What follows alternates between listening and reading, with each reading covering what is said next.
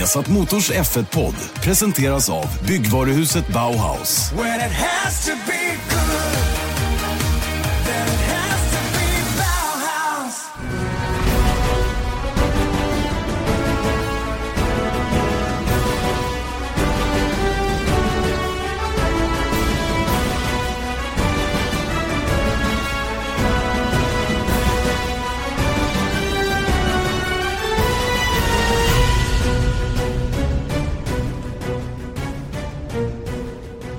God fortsättning hörni och mycket välkomna till Vesat Motors Formel 1-podd som aldrig är ledig eller tar ledigt. Det spelar ingen roll om det är helg eller inte. Annandag jul har vi idag. Vi är lite småmätta. Är det inte så Erik Stenborg?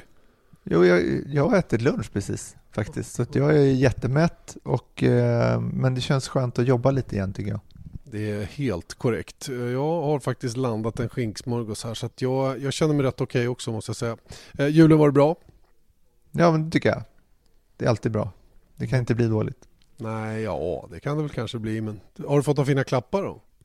Du, vet du, det här är faktiskt lite, jag tycker lite synd om mig själv. Så kanske därför ett av de här ämnena som, eh, som vi eh, kommer att prata om den här veckan har att göra med lite, om man inte fått rätt julklappar så kanske man kan köpa dem själv.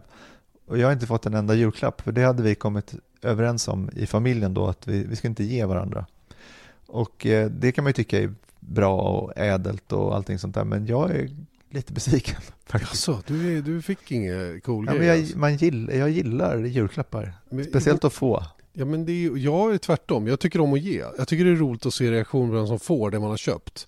Speciellt om man har klurat lite extra sådär. Vår familj är lite annorlunda. Vi, vi ger alla en budget på en summa pengar och sen så får man helt plötsligt ett sms från någon man inte känner som, som är involverad på något sätt så får man ett namn på den i familjen man har fått uppdraget att köpa julklappen till. Mm. Så det är Men lite det är kul. Det. Och ingen av, den, ingen av de andra i familjen vet någonting om vad de andra har fått för uppdrag så att säga. Va? Vem de ska köpa grejer till. Så det är lite, det, det, är faktiskt lite spännande för då, då får man bara, man vet bara att jaha, okej, jag ska köpa till den här personen och så får man lägga in all sin kraft på det. Sen vad man själv får och vad de andra får det har man liksom ingen aning om förrän vi kommer till julafton. Då. Men det blir ganska enkelt för det, det blir inte så krångligt då när man ska ut och, köpa tusen julklappar till, till allihopa utan det blir en. Man köper en. Det är bra. Det är bra. Men du har inga barnbarn än, än heller? Eh, så att... Nej, jag har inte det. Jag, jag, fick ju den finaste julklappen. Jag fick en ny hundvalp häromdagen. Eller fick och fick, men ja visst förstår du. Det är, vi är ju helt tagna här nere. Han ligger och, och snarkar och gnager och biter och, och springer mest ut hela tiden. Och en fantastisk liten varelse. Vad heter han? Han heter Enzo. Oj, oj, oj, oj. För han är nämligen av italiensk börd. Eller i alla fall en bracco italiano. Som är då en, en eh, stående fågelhund. Så vi kommer att få, få kul med honom här när han växer upp och blir större. Det, det, är ju roligt för nu kommer du också bli anklagad för att vara Ferrari-fan. Ferrari exakt, exakt.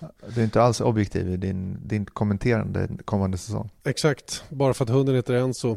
Och eh, nej, faktum är att namnet Enzo var ju, eh, eller det har mer med kopplingen till Italien att göra än, än Formel 1 faktiskt. Hur får du upp det där? Ja men, ja, men grejen är att eh, jag tycker att Enzo är ju ett vanligt italienskt namn.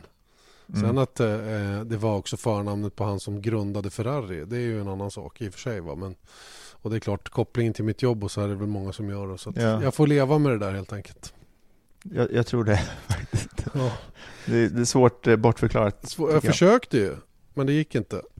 Verkligen. Ja. Men du, ja. nu sitter vi här, annan dag som sagt. I fjol så hade vi ju hur mycket som helst att prata om, för då var ganska, det hade ju gått nästan en månad i och för sig, men då hade ju Nico Rosberg precis eh, lagt ner sin karriär.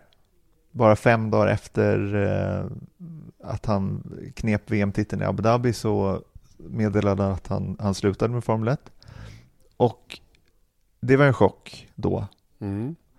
Eh, men det ledde ju till väldigt, väldigt stora spekulationer framöver då. Vem skulle då ta hans sitt? Sitsen som till slut då togs av Valtteri Bottas såklart. Men hur känner du idag? Med tanke på att det, nu finns det nästan ingenting att prata om i Formel 1-världen. Det är alltid, den här veckan är kanske den långsammaste F1 nyhetsmässigt på hela året för att folk är lediga och jag menar, det är som vi sagt många gånger att om team och sånt släpper nyheter så gör man det när man vill att folk ska skriva om det och i mellandagarna så händer absolut ingenting. För det är ingen som skriver om någonting. Nej, nej visst är det så. Va? Nej, men jag, jag, eh, jag har väl samma känsla som du. Det är, det är det mesta är utrett så att säga. Då. Vi har ju ett liknande scenario i och för sig i ett annat team som vi hade då förra året i med, men det är inget, inget av toppteamen. Och det gör ju kanske att det blir inte samma, vad ska jag säga, det blir inte samma drag efter informationen som det var då om vem som skulle ersätta Nico Rosberg i Mercedes. Och det var ju en fantastisk karusell som satte igång och där man också insåg att Mercedes hade lite kämpigt med att, för de var också tagna på sängen, precis som alla andra. Mm. Och det tycker jag var näst, nästan det mest spännande av alltihopa i den, i den grejen när Rosberg väl kastade in handduken. Det var att han verkligen hade hållit det här tight. Eh, och ingen, ingen kände till det. Och egentligen så ett ganska, ja det är både logiskt och ologiskt beslut ju. Att hoppa av när man var på topp, det är ju på många sätt bra. Men samtidigt fick han aldrig liksom riktigt uppleva hyllningarna. Förstår du vad jag menar? Nej. Nej men exakt, det är precis så jag tänkte också. Att det är så här, om man vinner en VM-titel så kommer man året därefter, man har valet då att köra med nummer ett på bilen. Eh, det är den enda siffran som man inte får välja då som eh, förare nu, eh, för att den är reserverad för den regerande världsmästaren. Nu vet jag inte om han hade gjort det ändå, men, men just den grejen att han kommer till varje race, han, han istället då för att komma in eh, i en paddock som han gjort under hela sin tidigare karriär så liksom som den eviga tvåan eller vad man ska säga efter Hamilton så hade han ju möjligheten att vara regerande världsmästare och ha det emot Hamilton hela tiden och det hoppade han över och vilket gör att jag satt i bilen på väg till landet och tänkte på Nico Rosberg nästan hela vägen bara för att jag tycker att det var så snyggt gjort det han gjorde. Sen så var det ju, gav det ju teamet massa problem och allt, de var ju inte supernöjda med det hela och i och med att just att han hade hållit det så mycket till, för sig själv. Men just den grejen att han gav allt för att vinna VM-titel, gjorde det och sen så kände han att nej, jag har ingenting mer att uträtta här. Och då kliver han av. Jag tycker att det, det var så snyggt på något ja, sätt. Det var ju, det var ju um Ja, snyggt är ett sätt att se på det naturligtvis. Va? Och sen var det tror jag, eh, det, jag tycker det var det ultimata måttet på att han hade koll på sin egen förmåga. han visste ju att han skulle få enormt svårt att upprepa den här prestationen. Eh, det här pratade vi väldigt mycket om då när, när det här blev klart att han, han liksom Nico Nico fick verkligen gräva djupt i fickorna för att hitta, hitta allt det som behövdes för att neutralisera bort en snabbare förare från att bli världsmästare. Och mm. bara den prestationen tycker jag är lite cool på ett sätt. För, för om, jag tror nämligen inte att Nico Rosberg går runt och inbillar sig att han är snabbare än Lewis Hamilton. Mm. Det, han, det han högaktar hos sig själv tror jag som han är väldigt stolt över. Det är hur han lyckades med lite annorlunda medel på något sätt störa Lewis Hamilton Eh, så att han lyckades ta VM-titeln av den anledningen. Men naturligtvis också för att han var väldigt, väldigt skicklig på banan. Det är inte frågan om det. Nico Rosberg var jätte, jätteduktig. Eh, och, och Lewis Hamilton hade sin, sin beskärda del av, av ehm, eh, tekniska problem och så vidare. Ah, det, men sånt, sånt finns ju alltid under alla säsonger så att säga. Va?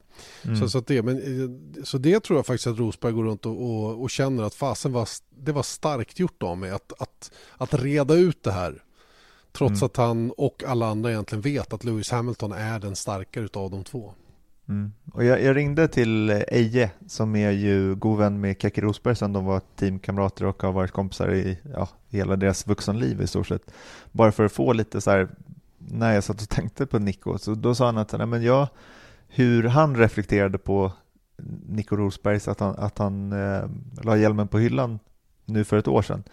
Och då sa han att ja, men känner, han känner inte Nico lika bra som han känner Kekke såklart, men han sa att om jag känner den familjen rätt så är det, de är totalt onostalgiska, liksom ingen nostalgi runt någonting. Eller, för jag drog den här grejen också, jag tror inte att han kan känna sig lite, liksom, just att han slutade så tvärt. Blåst på att, konfekten tänker du? Ja, att han inte får njuta av då den här VM-titeln. Och då sa han så här, men om, om än en gång då att han, jag känner inte Nico på samma sätt som jag känner Kekke, men för mig är det totalt naturligt sett om det hade varit Kekke som hade gjort det. För att då hade han bara känt att Nej, men nu har jag bevisat för mig själv och det är det som allting handlar om. Att han behövde inte bevisa för någon annan än sig själv att han kunde ta den här VM-titeln. Och då har han inte längre någon, någonting kvar att bevisa. Han har tjänat väldigt mycket pengar. Han skulle kunnat ha tjänat mycket mer pengar om han stannade kvar genom kontrakt och att han är regerande världsmästare. Han hade kunnat byta team och köra för något annat team som kunde ge honom väldigt mycket betalt bara för att ha en världsmästare i bilen till exempel. Men det valde han att inte göra. Eh, för att han kände sig nöjd nu. Mm. Ja, jag, jag högaktar beslutet också. Jag tycker det är att, att göra det på det där viset och kliva av när man är på topp. Sen kan man ju ha åsikter på varför han inte vågade bli... Varför, var, varför vågade han inte försvara sin titel? Trodde han mm. inte mer på sig själv och hela den, där, hela den diskussionen. Men det är ju ingenting som vi andra egentligen kan ha några synpunkter på utan det är bara han som det är bara han som kan bestämma det. Va? Och, och mot bakgrund av vad Eje säger då så är ju uppenbart den här familjen då de, de, de tävlar mot sina egna uppsatta mål. Mm. De, de, de bryr sig inte om att, att liksom leva upp till någon annans eh, bild av vad man ska göra, försvara, ta fler än en VM-titel och så vidare. Va? Vi har ju några singel-VM-titlar killar. Eh, mm. Jack Villeneuve, Kimi Räikkönen, eh, Jenson Button, nu Nico Rosberg. Eh, mm. Men, men de, hur den är bakåt i historien, de allra flesta som vinner en VM-titel i Formel 1 vinner fler än en. Mm. Ja, det är inte alls ovanligt i alla fall. Nej. Och han valde, han valde bort till andra grejen. Men vad gör Nico Rosberg då kan man ju undra. Man ser ju den här videobloggen som han har nu som man inte begriper någonting av egentligen. Jag förstår inte syftet med den om man ska vara riktigt ärlig. Va? Och jag, är det en reklamgrej eller vad, vad, liksom, är det verkligen ett ärligt sätt att, att berätta om sig själv vad han gör på fritid? Jag fattar inte. Vet du? Nej. Nej, jag, jag, vet ju inte, men än en gång, det var, jag förhörde Eje på vad han vet, så jag bara förmedlade det han sa då, att han, han tror ju, i och med att han har liksom inblick i lite hur det funkar för förare och allt möjligt, så, så har ju de väldigt mycket, han är, för det första har han ju kontrakt med Mercedes fortfarande som ambassadör, eh, vilket är då, kliver man av så kliver man av, men då anledningen till att han är ambassadör är för att kunna kanske fortsatt få betalt från Mercedes till exempel. Eh, kanske inte lika mycket för att han inte är aktiv förare längre, men däremot så eh, och sen så har de personliga då sponsorskap då som, som gör det och då kanske han antog att den här YouTube-kanalen som de har, som är lite förvirrande för att Nico Rosberg är ingen extrovert person. Han har ju varit rätt kärv liksom att ha att göra med när han körde. Han var inte så gemytlig och skön liksom. Och han var ingen Daniel Ricciardo direkt. Så att, att han har en, en videoblogg känns ju malplacé bara det. Känns, känns lite konstruerat, ja precis. Ja, men antagligen så är det då att han, han vill då, det kanske var en kickback från hans eh, ja, sponsorer, om man gör enkelt för sig och kallar dem sponsorer. Mm. Att eh, ja, men då fortsätter jag att synas på det här sättet och då kan jag få en del av det som jag skulle fått betalt 2018. Just det. I alla fall. Ja, det, så tror, det, det låter rimligt i alla fall. Vi, jag vet inte heller om det är så, men det låter logiskt att det är så han jobbar. För jag har aldrig heller känt att Nico Rosberg killen som yeah, jag ska ha min YouTube-kanal och spela Allan. Liksom. Det är verkligen inte den typen som han är. Nej, det är ungefär som att Kimi Räikkönen skulle ha eh, en egen kanal för att Exakt. komma närmare sina fans. Det känns inte alls... Han vill ju komma längre bort från dem. Eller ja, egentligen inte. Jag vet inte riktigt hur Kim är i det avseendet. Han gillar nog sina fans jättemycket, det är jag helt övertygad om. Äh, åter till Nico Rosberg då, som, ehm, som äh, jag vet är väldigt intresserad av, äh, av business och sådana grejer. Och det är ju uppenbart någonting han lägger lite krut på. har inga planer på att liksom sitta på, på, på sofflocket och bara ta hand om barnen och, och sin fru. Utan det finns en hel del projekt som man har dragit igång. Mm. Och än en gång då från Eje, att eh, utan några vidare detaljer, om man googlar på det, jag försökte liksom hitta lite information om det, men det är väldigt eh, knapphändigt faktiskt. Så han använder inte sitt, mär- eh, sitt varumärke speciellt mycket i företagsamheten, känns det som. Men tydligen så är han involverad i något byggföretag, alltså han är inte snickare själv såklart då, men han har någon form av som utvecklar fastigheter i, i Monaco. Och sen så har han en glassfabrik. Ja, men det här blir, det här är intrigerande. Det här är väldigt, väldigt spännande. Han har en glassfabrik. Ja. Det, det, känns ännu mindre Nico Rosberg på något sätt. Ja, och jag vet inte heller om han, jag tror inte att han, jag har inte sett några bilder på att han står och säljer glass på söndagar heller, men eh, tydligen så finns det någon butik som han är involverad i som även då har en fabrik, fabrik som det fanns eh, lite större planer för helt enkelt, att det skulle bli någon någon gourmetglass kanske, eller vad det nu kan tänkas vara. Så det, det, men det är massa saker. Sen så har han ju, eh, han är ju också inblandad i projekt Kubica. Han är ju det. Och det, är ju, ehm, det var ju en liten skräll tycker jag att han klev in på den. Eh, på den. Men, men det, å, återigen, när Nico gör någonting så känns det som att han gör det av affärsmässiga anledningar eller affärsmässiga skäl. Mm. Och, och, att han eh, på något sätt eh, blev involverad i Kubica-satsningen för att han dels gavs rätt förutsättningar ekonomiskt för det. Eh, kanske såg möjligheter att eh, utveckla någon annan av sina businessar i samband med det här eller vad det nu kan vara. Va? Eh, och ehm, nu ser de ju ut att kanske gå bet om att nå sitt mål, nämligen att få Kubica in i Formel 1 igen. Eh, det senaste vi har läst oss till där är ju att eh, Kubica erbjuder en summa pengar för sju, de sju första racen. Mm.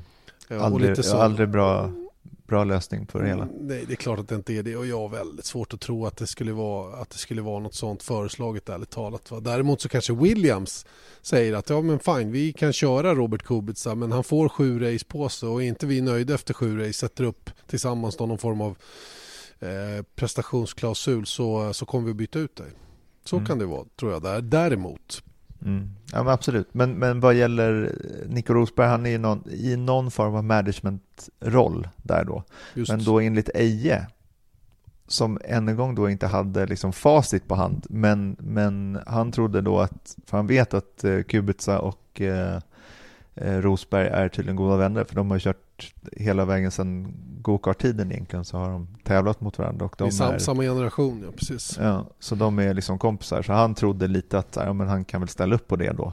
Eh, I form av att kanske inte var den här jättedealen då rent eh, eh, att det hade inte nödvändigtvis jättestor ekonomisk eh, kickback för Rosberg utan det var mer av, av eh, han skulle göra vad han kunde och kanske är det inte mer än att, eh, att han säger figurerar.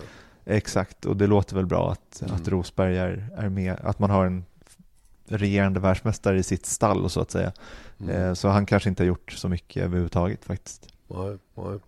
Ja, vi får se vad som kommer att hända då när det gäller Robert Kubica till att börja med. Då.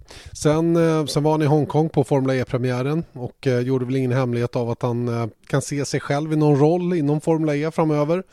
Eh, vad det nu skulle vara för roll, knappast som förare. Eh, där samtliga förare faktiskt i det mästerskapet är, eh, de, de, är ju alldeles för bra för att köra i Formel E kan jag tycka. Formel E-bilarna utmanar inte de här killarna speciellt. Eh, och därför så har jag svårt att se att en sån som Nico Rosberg då som, som Formel 1-världsmästare skulle komma in och köra i Formel E. Så ser liksom inte den, den typen av förare ut som kör där. Eh, men, men visst kan han väl bli, eh, om, om det här lyfter och blir någonting då som många tror i alla fall så, så kan det väl vara smart att vara med så tidigt som möjligt då i någon form av ledande roll där. Mm.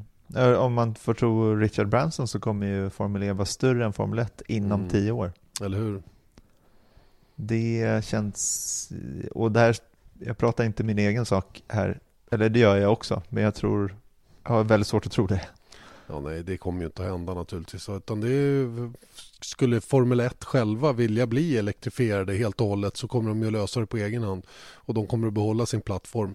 Formel E kommer aldrig att nå upp och gå förbi. Däremot så är det ju ett, ett bra, ett bra vad ska jag säga, Formel E för mig, om vi nu ska prata om Formel E för, på det viset, utan att jag kan någonting i detalj om det här, men för mig är det ju någonting, ett, ett alternativ där man kan göra lite mindre små banor inne i städerna och eh, erbjuda racing. Någonting som de har attraherat som, som varumärken som finns med i det här mästerskapet är nöjda med så att säga. Va? Det är Formula E för mig. Och på toppen av det så har man tillräckligt bra budget för att kunna betala väldigt, väldigt skickliga förare att köra de här bilarna. Och, och hela det där paketet tillsammans är ju det som vi nu ser och är Formula E. Eh, skulle det vara som Richard Branson tror då hade det hänt mer på tekniksidan än vad som har skett de här fyra är det, är det femte året nu eller fjärde året som man kör? Jag vet inte. Jag tror att det är fjärde året. Ja, något sånt. Va? Då hade det hänt mer. Va? Utan att man, att man har en bil som fortfarande bara klarar typ 15 varv innan batteriet är slut. Eh, och, och, att det är den som har bäst energy management som vinner racen där. Mm. Ja, men, och det, det, är faktiskt, det är ju... Eh, Sebastian Vettel är ju en sån som är emot Formel E. Och det tycker jag inte man behöver vara. Men han han eh, får ju tycka som han själv vill, men då, han menar ju då att han, han känner ju folk som kör i det där med mästerskapet som eh, han menar har sagt till honom att det, det är inte speciellt kul att köra. Nej, eh. och, det, och det, jag menar, du och jag kan inte uttala oss om det, men som jag upplever det så är ju bilarna inte alls på den nivå som förarna är. Så förarna som kör är mycket, mycket bättre än vad det material de har tillgängligt är. Mm. Och det är det som gör det lite, det är det kan jag tycka är lite synd med Formel E. Det skulle ha varit en skulle ha varit eh, tuffare, svårare. Mm. Mm. Ja, det kan jag tycka. Men, men hur som helst, så, jag menar hela Rosberg-familjen, om, om vi återgår till den frågan, så har de ju eh, Kekke, vad jag förstår, som varit likadan, liksom att han har väldigt mycket runt omkring, alltså inte nödvändigtvis eh, han som racerförare, utan att det var massa företag runt omkring honom helt enkelt som eh, ja, han var väldigt engagerad i, mm. i eh, business-sidan också. Och det känns ju som att eh, eh Nico är också. Och sen så har de ju haft, eh, Kekke startade ju Team Rosberg 94 tror jag att det var. Mm. Och har kört i DTM och ITC och vad är det, hur, hur mycket serier som helst. Och nu är de på gång att gå in i, jag vet inte om de redan är inne eller om de ska in i Blancpain. Ja, de har köpt två stycken Huracaner om jag har förstått det hela rätt. Alltså, äh, Lam nej inte Lamborghini. Lamborghinis. Jo, Lamborghini. Jo. Huracan. Ja. ja, just det. Äh, GT3 då, som, som de ska tävla med. Och äh, ja och där, där sägs det ju att Nico Rosberg också ska ha någon, någon liten roll i, det, i den satsningen. Då. Men eh, alltså Kekke driver ju inte det här själv utan han har ju folk som sköter Nej. det här. Men, men um, Rosberg Racing ska i alla fall uh, finnas i GT, GT-racingen då under nästkommande säsong. Så att uh, mm. de ligger inte på latsidan i alla fall i familjen Rosberg. Men uh, visst, han är ett spännande fenomen tycker jag, Nico Rosberg på alla sätt. Just mm. med tanke på hur han blev världsmästare och vad som sen hände efter det. Och mm. något, något motsvarande har vi inte haft faktiskt på länge, länge.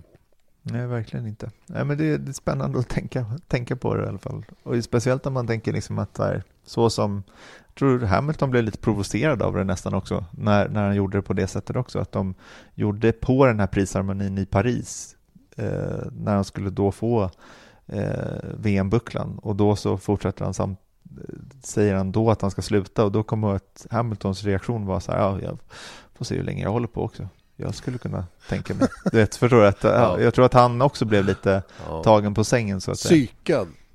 Vilket ja, förmodligen lite. var en av orsakerna. Nej, det tror jag inte. Jag tror inte det var en av orsakerna. Det gör jag verkligen inte. Men, men eh, att psyka Hamilton var ju en viktig uppgift för Nico Rosberg under det året. Att komma verkligen. in under skinnet på Lewis Hamilton, det var ju en oerhört viktig och stor anledning till att han lyckades ta VM-titeln, tror jag. Oh ja. Eh, apropå Lewis Hamilton, jag vet inte om du följt den på Twitter men eh, och apropå Formel E, Sam Bird vet du vem det är? Körde mm. bland annat GP2 ihop med Marcus Eriksson i, i iSport och är numera Formel E-förare och kör väl även lite eh, GT-racing tror jag på Le Mans eller väcknivå.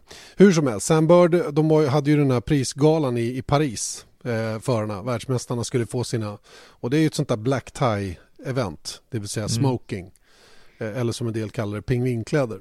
Mm. Eh, den som dök upp i något helt annat var ju Lewis Hamilton. Han dök upp i någon guldkavaj, väldigt broderad och sådana sneakers på fötterna. Liksom. Han, det var hans, hans finkläder. Och det här gjorde att Sam Bird blev lite tjurig. Så han, han, han skrev på Twitter att eh, hallå, du är en gudabenådad förare. Jag tror inte det finns någon som är, motsvarar dig racerförarmässigt. Men om det står black tie på inbjudan då är det black tie som gäller och inte några konstiga cirkuskläder, typ så.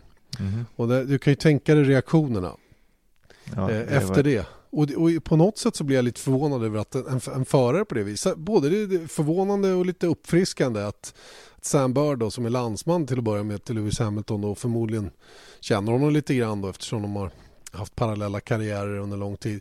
Så, så, eh, så liksom, ja, det, var, det var lite spännande faktiskt att, att han vågade uttrycka sig så. Och som en del som en del också svarade på det här tweeten så, så var det ju att varför, varför skrev du inte till honom privat? Mm. Varför måste det upp på, liksom, på ett officiellt klotterplank som, som det blev? Men, eh, Vad hände ja, då? Nej, det har, det har väl inte hänt någonting. Det har blivit en lång, lång diskussion egentligen. Och Lewis Hamilton har inte blandat sig in överhuvudtaget. Han, han har väl vilka kläder han vill. Och det roliga var att det pendlade lite fram och tillbaka där med åsikterna om för jag vet inte hur du ser på det när det gäller klädkod på sådana här event. Man går inte på en, på en Nobelmiddag i, i liksom en guldkavaj och, och sneakers om det står att det är frack som gäller. Och, och, det är väl lite det som, som nå, de som var förespråkare för att man ska hålla klädkoden tyckte då. Står det black tie, då är det black tie. Annars så... jag måste säga, det här säger ganska mycket om hur nyhetsläget är format Ja, men jag säger det. Jag säger det. Ja, men jag tyckte det var kul bara. Rolig, rolig ja. diskussion. Och eh, vi, vi, vet ju alla hur eh, Lewis Hamilton kan spöka ut sig emellanåt. Mm. Men vi vet också du... hur, eh, hur eh, James Hunt gick på någon sån här jag undrar om det var alltså VM Awards, alltså när de skulle få den prisutdelningen, men då kom man ju barfota i, i sådana här V-jeans liksom. Så att man har ju sett värre. Ja, oh, tror i, och jag. i och för sig. Äh, alla, alla, man måste få vara lite rebellisk. Är det så jag ska tolka ditt svar? Jag tycker eh, det piggar upp. Eller är det en icke-fråga kanske till och med? Nej, men jag tycker, alltså, det är klart att man ska, det, det, är väl om vi ska gå in på Magdalena Ribbing, Rest in Peace, så, så, um, så är det, det handlar om att respektera värld, världen. Och det kanske han inte gjorde. Eh, alltså den som är värd för, eh, som bjuder in, då ska man göra som man blir tillsagd. Exakt. Men jag kan ändå tycka att jag inte bryr mig för fem öre. Nej, okay, faktiskt. bra. Då är det ingen idé att jag nämner det där att han inte, han blev ju ut, utmotad från Wimbledon när han kom dit och inte hade rätt kläder på sig också. För på All England Tennis Club, där gör man inte som man vill. Nej, och jag är ju tennisspelare som du vet. Så ja, just det, det numera är du halvproffs. Ja, exakt, så där tycker jag att han eh, gjorde helt fel. Det var ett, ett stort och eh, tydligt övertramp från hans sida. Ja, guldkavaj i Paris, det spelar ingen roll. Men däremot på Wimbledon, då går det inte som du, som du vill. Alltså. Som sagt, det säger en del om nyhetsläget just nu i Formel 1-världen. När eh, vi landar i diskussionen om huruvida Lewis Hamilton skulle ha haft eh, black tie, det vill säga smoking, eller inte då när det delades ut världsmästarpriser. Eh, det är en annan grej som är intressant tycker jag med den prisutdelningen. Det är väl sex VM-titlar man delar ut priser i. Sex, mm. eller sex kategorier. Tre av dem gick till svenskar. Wow, det är faktiskt helt, ja det är ju sant ju. Ja. Det är ju alltså Johan Kristoffersson, mm. rallycross, ja. Ted Björk, VTCC. Mm. Och Pontus Tideman tog VRC2-titeln i rally.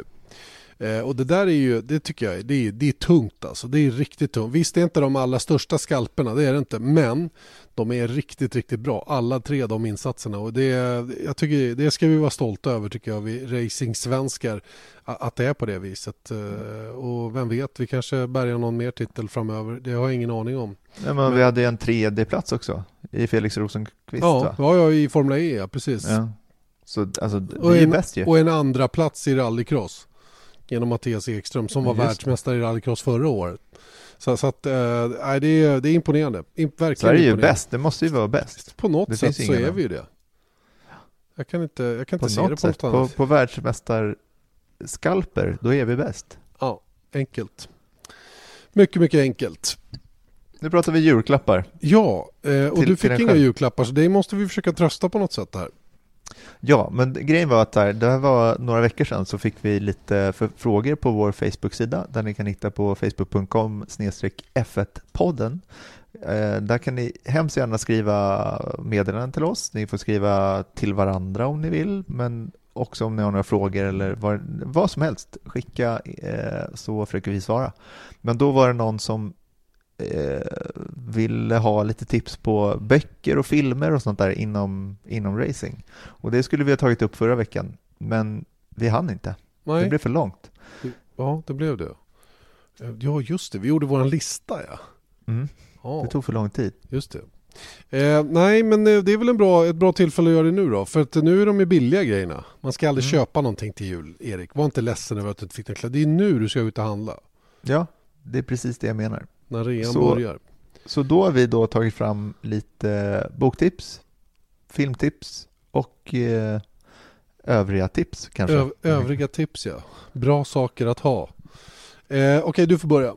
Mm. Man kan ju säga så här att om det är någon som bok jag vill, skulle vilja läsa som jag inte, som inte, en bok som inte finns, då tänkte jag faktiskt på det här och då vore inte väldigt Jag ska skriva om... min biografi, jag lovar. Ja, okay, Men du okay. får vänta något år.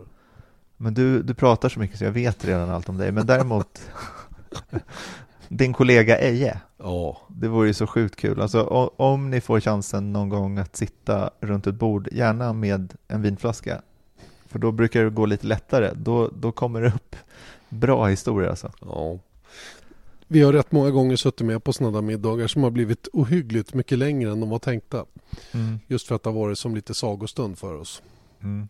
Och det är häftigt, alltså när man är en liksom, racingfan som både du och jag är, då är det liksom bara höra det first hand från någon som var med. Mm. Eh, även om det inte alltid hade med ej att göra, men det var ju liksom, apropå Kekke eh, Rosberg, det är en så fantastisk historia tycker jag, när de sitter, var det på det Misano? Var på, det var på um, Mugello. Ja, Mugello. Ja. Då, då, går alltså eh, Kekke och Eje, de är teamkompisar och kör för Formel 2 för Fred Opert.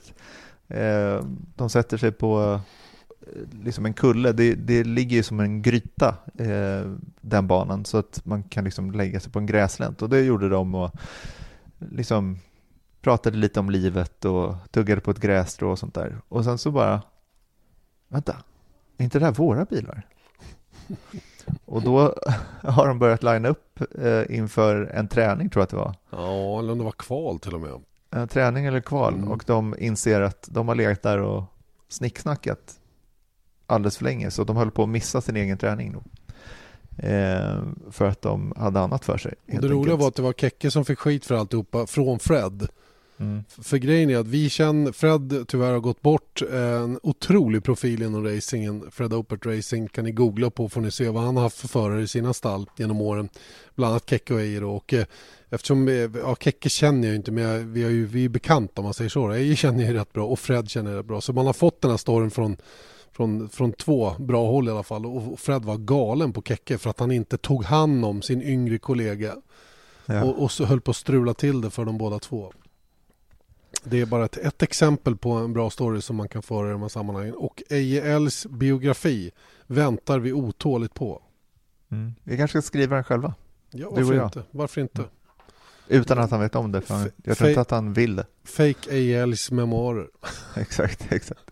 Nej, men min, eh, min, eh, mitt första boktips, mm. det är kanske inte den här, det är inte direkt eh, en biografi om Ayrton Senna, utan det här är alltså per Perry McCarthys självbiografi. The Stig. Eh, The Stig, han var alltså Ja, jag tar det från början. Han, han skriver alltså en bok som heter Flat Out Flat Broke.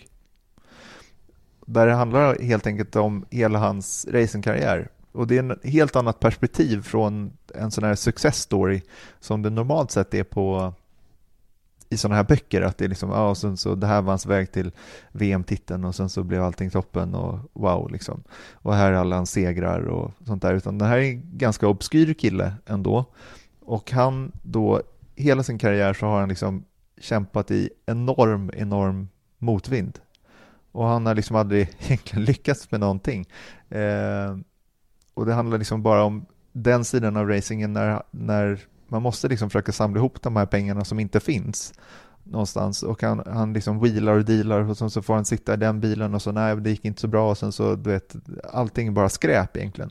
Och därav titeln Flat Out Flat Broke för att eh, han lyckades inte. Han kom till Formel 1, eh, började köra 92 för storteamet Andrea Moda.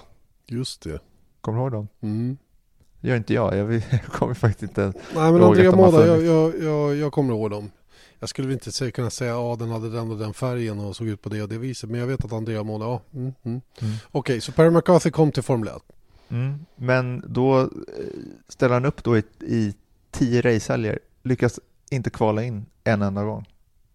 Så det är, om man kollar på hans eh, racing record liksom på eh, Forex eller Wikipedia så står det liksom bara did not pre-qualify, eh, did not pre-qualify, did, did not participate, did not attend, du vet sånt där.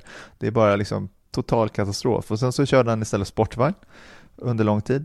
Och om du, det är också ganska rolig läsning att titta på hans complete, eh, alltså alla hans resultat i Le Mans då.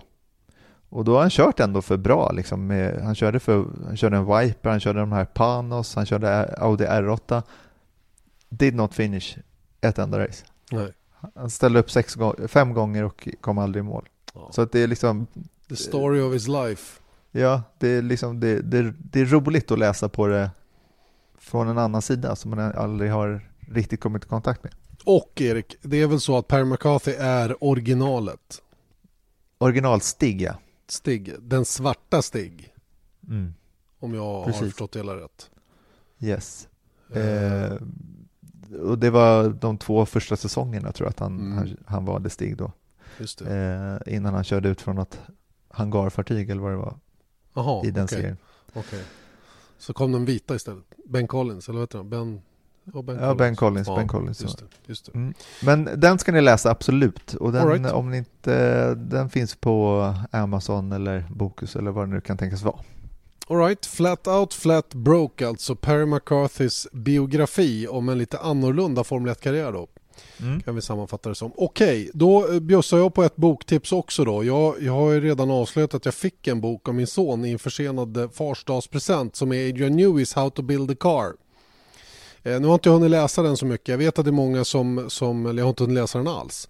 Eh, så att jag kan egentligen inte ge något, eh, någon recension av den. Va? Men, men det är ju Adrian Newey som går igenom alla de bilar han har byggt genom åren då och ja, egenheter de har haft och så vidare. Allt från Leighton House-bilen då, den här, vad var det, turkos, ljusblå som, mm. som Ivan Capelli bland annat körde då. Maurizio Gugelmin var det, brasilianaren. till då de otroligt framgångsrika McLaren-bilarna under slutet av 90-talet och vidare då genom Red Bull-eran då där han fortfarande finns kvar. Så den, den rekommenderar jag givetvis va, utan att egentligen veta riktigt vad den handlar om. Sen vart jag i, i, lite nyfiken på en annan bok. Jag är dålig på att läsa böcker allt talat. Du är mycket, mycket bättre än mig Erik. Så det här var lite grann en utmaning för mig att hitta de här böckerna som kanske kan intressera. Men jag hittade en som heter The Mechanic's Tale Mm. Eh, The Mechanics Tale är skriven av Steve Matchett. Han är en engelsman som, eh, som dock på senare år har jobbat då med, med de amerikanska tv-rättigheterna för Formel 1 på NBC. Eh, han är ju från början då Formel 1-mekaniker och har bland annat jobbat då både för Ferrari och BMW och eh, även för Benetton. Så han har verkligen varit med på, på absolut högsta nivå. Då. Han ger ögonvittnesskildringar av otroligt stora förare då, vilket inkluderar då Michael Schumacher, Nigel Mansell, Prost, Ayrton Senna. Tänk att jobba med de gubbarna. Eh, och han talar också av nyckeln till, till eh, vissa av Benettons personligheter som fanns i det teamet och försöker också förklara då hur, hur det här teamet förvandlades till det som blev en väldigt stark och eh, framförallt konkurrenskraftig organisation då, som vann tre stycken VM-titlar. Eh, och eh, han, han är också inne en del på i den här boken om, om eh, det här med hur eh, ingenjörer och sådana ser förarna som ett orosmoment. Mm. Allt, allt, annat finns det siffror på så att säga och det har man kontroll på. Det, det, det är liksom matematik och ingenjörskap. Men förarna de är, de är ett störande moment för de kan man inte riktigt kontrollera på samma sätt. Ganska roligt. Kul sätt att se på en, en människa. Verkligen, verkligen. Störande the moment. the Mechanic's Tale, Steve Matchett. Eh, klart rekommenderbar. Och det, framsidan på boken är ju då en mekaniker som brinner för fullt. Du minns säkert när det hände. Ja. Jos Verstappen på, på Hockenheim i en Benetton-bil där de hade fibblat med, bak, eh, ja, med backventilen i tankriggen för att det skulle gå fortare att fylla på bensin. Och så, och så sprutade soppan tillbaka ut och antände då på avgassystemet och bromsar och allt vad det var. Och det blev en jätteeldsvåda av det hela. Väldigt eh, eh effektfull startbild på den boken. Mm, verkligen. Men sen så, jag, jag har några till här och det är um, Murray Walker apropå ditt yrke. Just det, just det. Så är han eh, kanske den mest legendariska kommentatorn i... Efter mig. Ja, exakt, efter dig. Mm. I varje fall i, i hela världen. Nej men eh, igen, hur, hur stor är han egentligen? Jag eh, har lite svårt att bedöma det. Nu är ju så här, när man pratar engelska och har det som modersmål så är man ju, då, då finns man ju så oerhört många fler länder än bara i England. Mm. Så att jag, jag, skulle, jag skulle nog hävda att han är en av de absolut största tv-kommentatorerna på motorsidan i alla fall genom alla tider.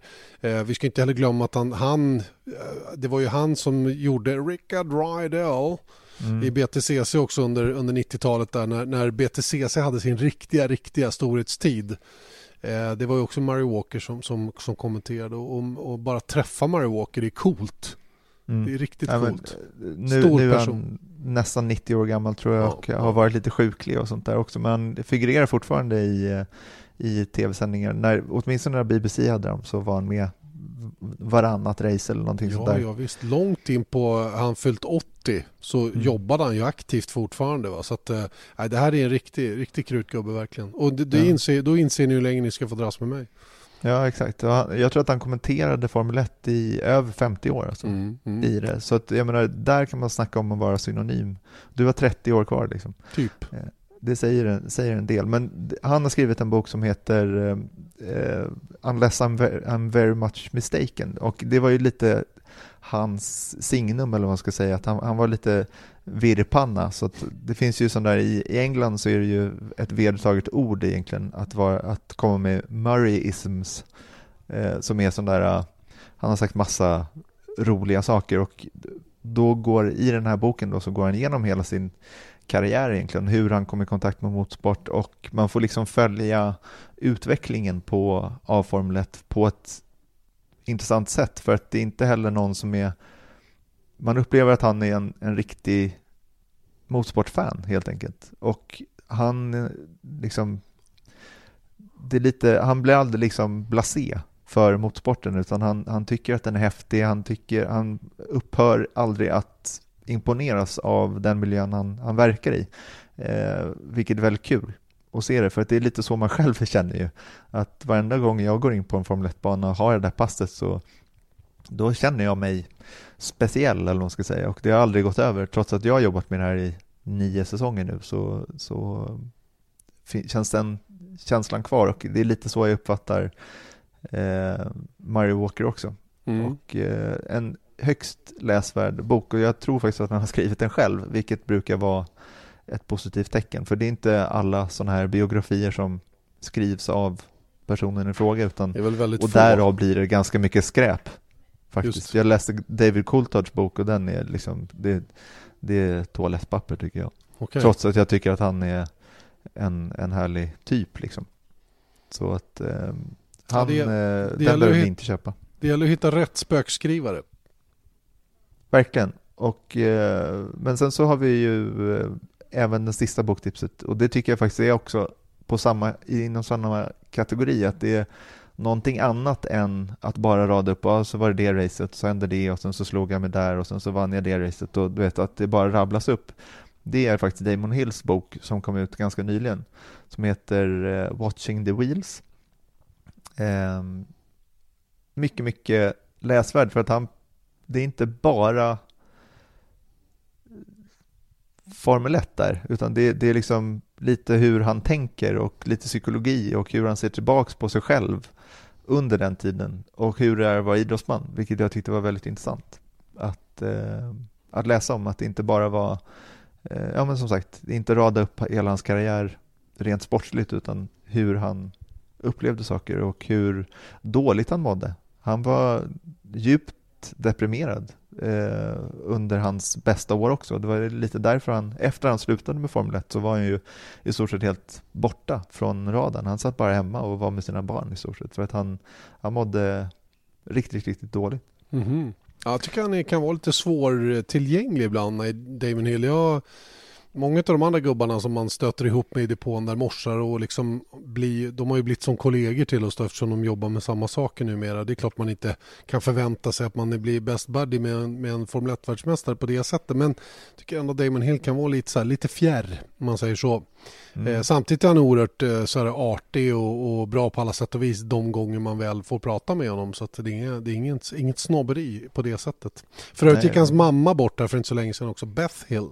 Mm. Och det, den relationen då med Graham Hill och eh, Beth Hill eh, tas ju mycket upp också. Och där, där ser man liksom också vilka i många fall ärkesvin liksom, mm. racerförare var på den tiden. För de var ju mm. liksom handelsresande i, i racing och var aldrig hemma och, och väldigt eh, en, en, konstig tid tror jag att verka i när, när det var så farligt också. Att det var liksom eh, hela familjen var ju liksom i praktiken livrädd så fort eh, Graham var borta någonstans för att han, ja. det var ju ganska hög risk att man skulle stryka med. Just det, vilket han gjorde till slut.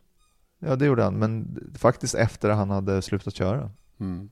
Det var ju när han eh, startade sitt team och då hade de testat i, eh, på Paul Ricard där han skulle flyga hem. Och han ville hem till en julfest som de skulle ha, eller de, som de skulle gå på och då eh, flyger han hem i mörker och eh, eh, på den landningsbanan som de brukar, han hade sin egna, eh, alltså någon sån där litet plan då, så flög han hem hela sitt team då, Embassy Racing och eh, planet kraschar och alla stryker med.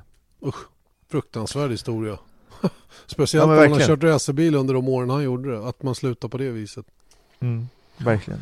Du, innan vi går vidare och kommer med några filmtips också så tar vi en kortare paus för några kommersiella meddelanden.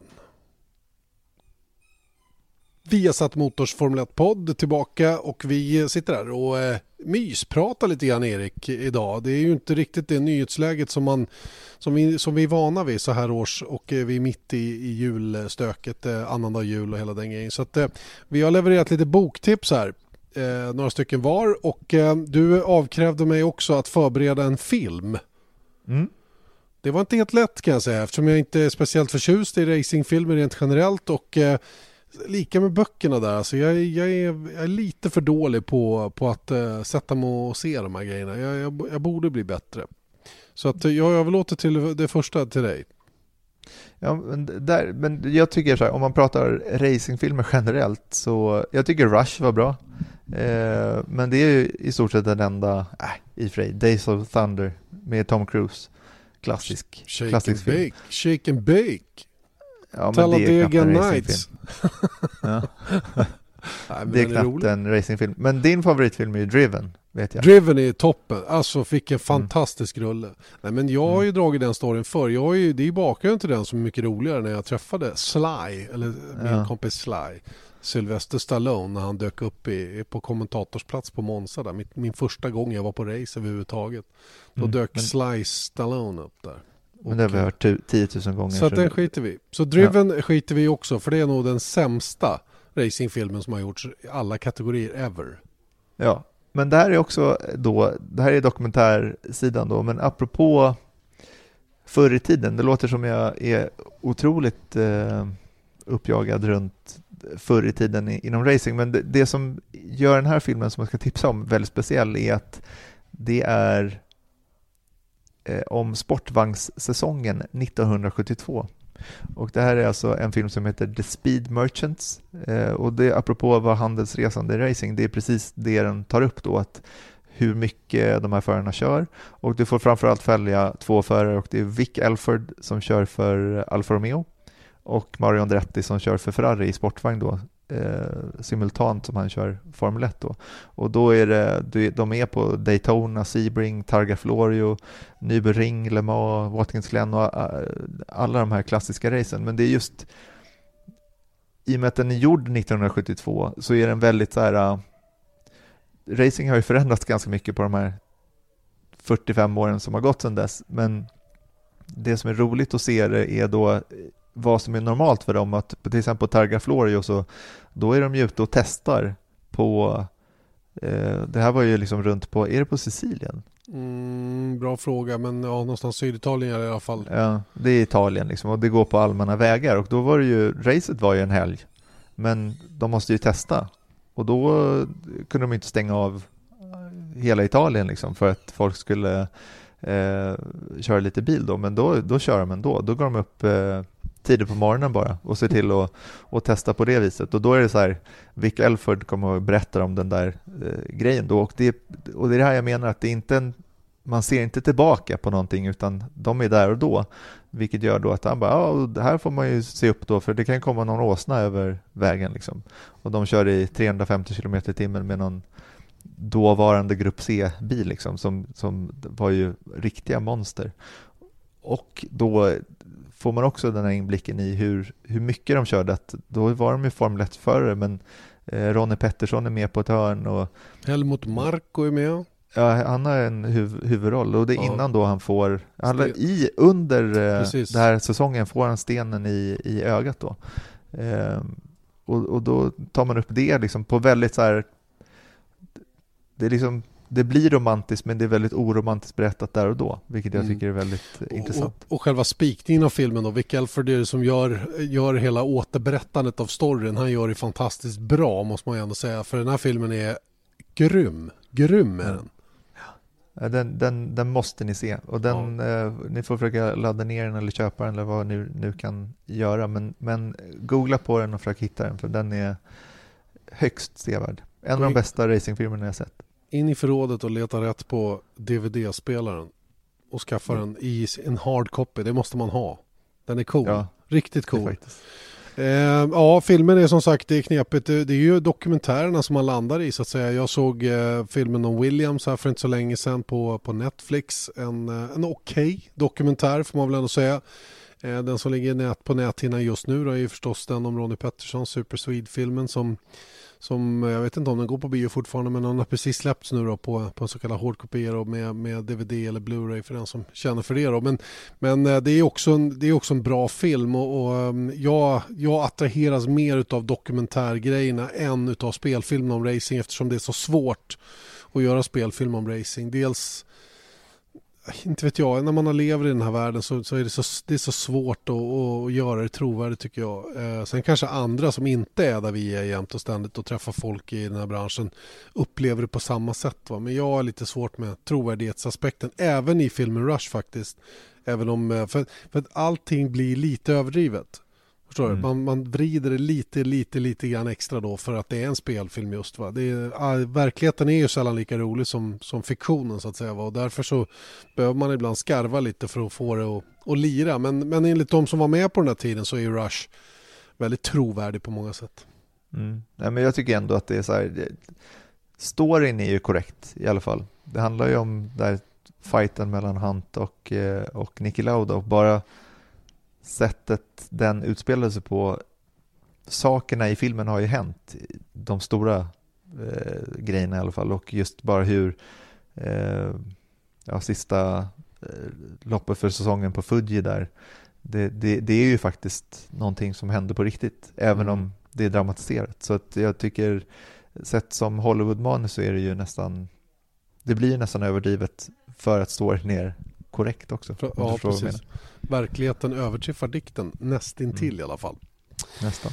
Ja, det var det det. Eh, det får bli lite så här eh, rea-tips då. Eh, jul, julrea-tips, annandags-rea-tips som vi levererar den här gången i form av bok, boktips som vi hade och några filmtips. Har du någon mer film på gång? Eller var det dem? Som Nej. jag nämnt, det var Speed Merchants. Sen, sen, sen bad du om någonting, eh, någon bra att ha-grej. Mm. Har du någon bra att ha-grej? Vet du vad jag har dille på? Nej. Det är sådana här småhjälmar. Ja, just det. De är lite coola. De är sjukt dyra, måste jag säga. Men, men jag, jag har svårt att hålla mig. Kolla Erik Stenborgs Instagramkonto när han fick sin son här. Han tryckte på hjälmen på en sån här minihjälm på sin sons huvud. Ser mm. det ut som alltså. Det ser ut som det. Det är mm. faktiskt eh, fysiskt omöjligt. Nej, men det är sådana här halvskaliga hjälmar. Och jag kan liksom inte hålla mig så fort jag ser dem där på banor eller på internet eller vad det nu kan tänkas vara. Eh, och eh, de tycker jag är väldigt roliga. Och det som var väldigt kul då var när vi var för några veckor sedan i Örebro och eh, intervjuade Marcus Eriksson och spelade padel mot honom. Så innan vi skulle gå där så han bara, men eh, jag har några så här, ta dem. Och då fick vi varsin eh, halvskalig hjälm då av Marcus Eriksson. Och vi fick en tredje. Mm. Och den ska inte vi ha. Nej, det känns onödigt att ha två. Ja, det blir lite töntigt att ha två likadana bredvid varandra. Så att vi, vi tänkte att vi eh, ger bort den. Mm.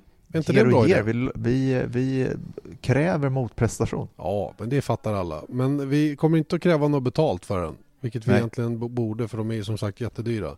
Eh, den här är ju då givetvis signerad av herr Eriksson själv och det är en exakt kopia av hans, hans tävlingshjälm då så att säga. Då. Exakt likadan i detaljer med färg och allting och sponsorer och vad det nu är för någonting. Så den är himla cool.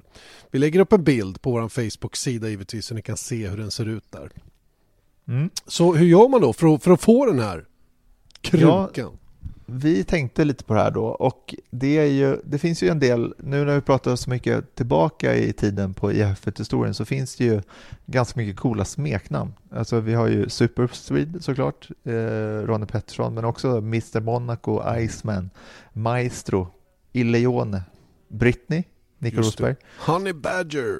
Honey Badger, Daniel Ricciardo, The mm. Professor, mm. Alan mm. Prost, Hunt the Shunt tycker jag är ganska kul. Det är James Hunt då. ja, det är eh, men Marcus Eriksson, Marcus Eriksson har inget än. Eller hur? Nej, inte så vitt jag vet i alla fall. Så att eh, vi behöver hjälp att få ett sånt. Eller ja, han behöver vore, Vi behöver vore, inte alls. Nej, det vore ganska kul tycker jag om, om det här smeknamnet som i sin tur måste sätta sig såklart. Eh, om den kom ifrån F1-poddens sida. Så det Exakt. vi vill är att ni ska dels skicka in då ett, eh, vad ni, ja, ge honom ett smeknamn helt enkelt. Det, det, är ju positivt om det funkar internationellt. Inget måste, men det kan vara bra om det ska sätta sig på riktigt. Eller hur? Helt korrekt. Och du vet, tänk, tänk om vi får sån påverkan så han lackar in det på sin nästkommande hjärn. Vore det coolt? Mm, det vore inte, för coolt. Tro, inte för jag tror det, men man kan ju, man kan ju fråga. Vi, fråga. Men vi får se om det sätter sig, så måste han göra det. Jag tror inte att det var Kim Räikkönen, Kim Räikkönen som gav sig själv smeknamnet Iceman. Det var Ron Dennis. Ja, där, där ser man. Och nu har han det på sin, sin hjälm, så man, man vet aldrig. Nej. Men hur som helst. Och eh, nummer två, Janne, vad ska man göra då? Jo, då ska man eh, bevisa för oss bildligt, rörligt eller en stillbild på vår Facebook-sida att man är Sveriges absolut mest hängivna Formel 1-fan. Ja. Så man behöver alltså inte vara Marcus Ericsson-fan? Man nej, kan nej, vara Ferrari-fan, man kan oh, vara ja. McLaren-fan, oh, ja. man kan vara fan av Perry McCarthy till och med. Till och med det. Det. Eh, så att, det ska ni göra, att ni skickar in en bild på er som visar att ni är Sveriges största F1-fan och då inkluderar en, en, ett eh, smeknamn till Marcus Eriksson. Just det, och den vi, eh, för vi är ju enhällig jury här. Kanske oh ja. ihop med Marcus. Vi, vi, eventuellt frågar honom om råd. Mm. Så, så kommer vi att dra en vinnare och den vinnaren kommer då att få den här hjälmen skickad hem till sig. Japp, och det Kul. gör vi nästa vecka. Så att uh, ni har, vad har ni? Fem dagar. dagar på er. Typ. Ja, någonting sånt. För vi måste ju hinna få i ordning. Nej, men vi säger innan tisdag 2 januari blir det. Mm. Mycket bra. Mycket bra. Det, det, får bli slutord från veckans podd. Eh, Vockans Formel 1-podd. Veckans Formel 1-podd heter den. Där eh, vi eh, kanske inte har varit så newsiga men jag hoppas ni har eh, haft kul med oss i alla fall. Där vi har eh, eh snackat Formel 1. Vi har pratat eh, Nico Rosberg, vad som hände egentligen när han klev av. Vi har kommit med eh, eh, julrea-tipsen. Nu när det är annandagsrea så kan man gå ut och köpa någon bok eller film eller vad det nu kan vara. Och sen så vill vi alltså ha ett smeknamn på Marcus Eriksson och vi har då en sån här liten minihjälm, en, en kopia av Marcus Erikssons hjälm, signerad sådan att ge bort till den som kommer med det bästa namnet och dessutom kan visa för oss i stillbild eller via en video att man är Sveriges största Formel 1-fan. Alright? Korrekt. Toppen bra. Då säger jag god fortsättning en gång till. Detsamma. Ha det och gott, tack till hörs... alla er som lyssnar. Ja, ja, ja, självklart. Och så hörs vi om en vecka igen. Det gör vi. Hej då!